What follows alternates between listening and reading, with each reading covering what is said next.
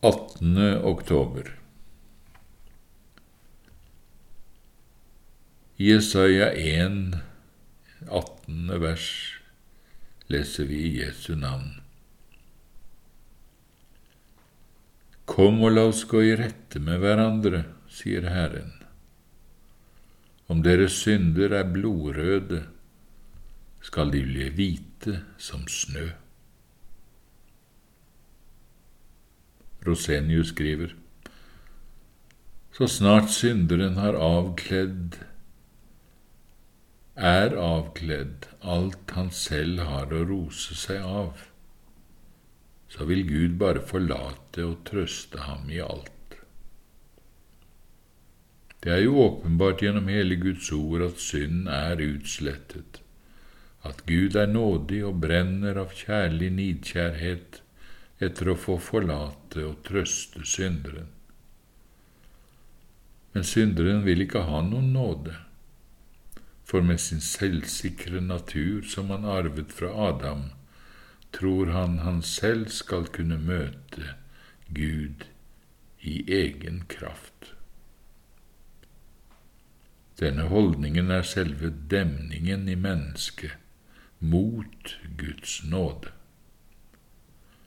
Men er bare den demningen sprengt bort, da har Guds nåde fritt løp, og da blir alt godt.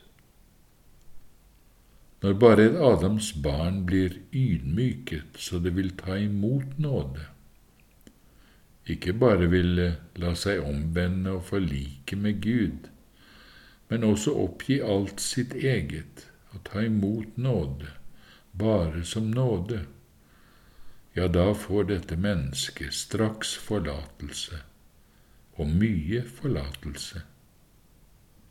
Da møter synderen den store, tilgivende Guds barmhjertighet, som er en barmhjertighet uten grense og uten slutt.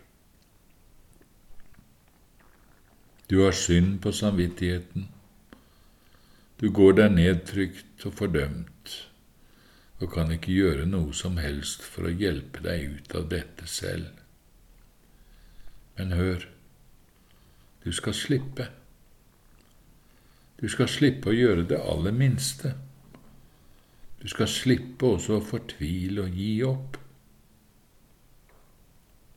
Lovpris Herren, hvem du så er, Han som forlater alle dine misgjerninger. Du har bare fortjent og aldri blitt trøstet, men bare alltid og evig gå fortvilet og dømt. Men du skal slippe. Du skal få være glad. Du skal få kaste byrden din av deg og være fullkomment fri og glad som om du aldri hadde syndet. Min sjel, lov Herren han som forlater alle dine synder.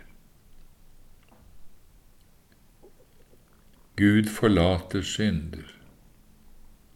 Gud forlater alle synder, i alle sammenhenger og til alle tider, og han forlater fullstendig uforskyldt. Lær bare først å kjenne den guddommelige forlatelsen, eller be Gud om troen så skal alt bli godt. Mange tror de forstår Guds nådes forlatelse svært godt, og forstår likevel ikke noe som helst av det. Først må vi merke oss at forlatelse, eller nåde, er det helt motsatte av alt som heter fortjeneste. Paulus sier er av nåde, da er det ikke lenger av gjerninger, ellers er ikke nåden lenger nåde. Men hvis det er av gjerninger, er det ikke lenger nåde. Ellers er heller ikke gjerningen lenger noen gjerning. Forlatelse er altså noe helt annet enn en unnskyldning. Gud unnskylder ikke synd, han forlater den og derfor kan også alt forlates, selv om det ikke kan unnskyldes. For forlatelsen gis utelukkende av ren nåde.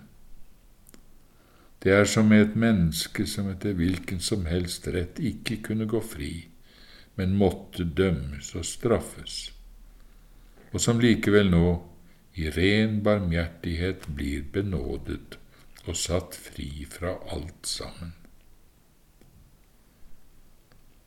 At Gud forlater, betyr at Han gjør ikke med oss etter våre synder og han gjengjelder oss ikke etter våre misgjerninger. Slik er Gud. Han gjør slett ikke med oss etter våre synder. For hvis Gud et eneste øyeblikk gjorde med oss etter våre synder, så ble ikke et eneste menneske frelst. Men hele Kristi rike på jord det er bare forlatelse over alle som i tro holder seg til Kristus. Ja, det er en konstant forlatelse, en fullstendig, uforskyldt forlatelse, en total forlatelse. Eller er det ikke sikkert nok at Gud forlater alle dine synder? Har ikke himmel, jord og helvete ja, mennesker og ånder ettertrykkelig nok fått vite at Gud forlater alle synder, og at ingen blir fordømt for syndens størrelse, men bare fordi de ikke har bruk for nåden. Gud har selv i egen person forsikret oss at han vil forlate synder. Det samme har han gjort i tusenvis av klare løfter gjennom profeter og engler, gjennom hans enbårne sønn og hans apostler, og gjennom en stor skare evangelister. Selv alle helvedes makter skal ikke kunne utslette dette vitnesbyrdet fra denne lysende hæren, eller frarøve oss vår visshet om syndenes forlatelse. Hele Bibelens innhold, fra begynnelse til slutt, er alt sammen utelukkende konsentrert om alt Gud har gjort for at vi skulle få syndenes forlatelse. Selve loven var jo også bare gitt for at vi skulle lære å kjenne vår egen fortapte tilstand at vi skulle drives til Kristus for å motta denne forlatelsen. Og alt som Guds sønn gjorde på jorden, det gjorde han for at vi skulle få syndenes forlatelse. Han ble et menneskebarn, han ble vår bror og stedfortreder, uttrykkelig for å frelse sitt folk fra deres synder, som engelen sa. Han utgjød sitt hellige blod til soning for verdens synder, som han selv uttrykkelig sier, Mitt blod blir utgitt til syndenes forlatelse. Og han innstiftet dåpen. I den tar han oss opp i en evig nådepakt. Han innstiftet nattverden, for at han stadig gjennom livet vårt i den kunne fornye sin forsikring om syndenes forlatelse. Og i Fader vår lærte han oss å be daglig og konkret Forlat oss vår skyld. Skulle han ha noen grunn til å gjøre alt dette, hvis det ikke var hans alvorlige mening og vilje å forlate synder? Gud har så visst ikke sendt sin sønn til verden for å fordømme verden, eller bare for noen kortvarig jordisk gode.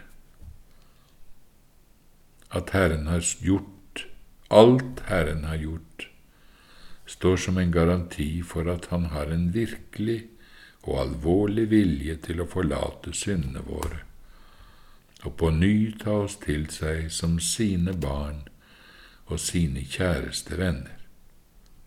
Det er jo dette han har skapt oss til, og av bare nåde gitt oss det evige liv.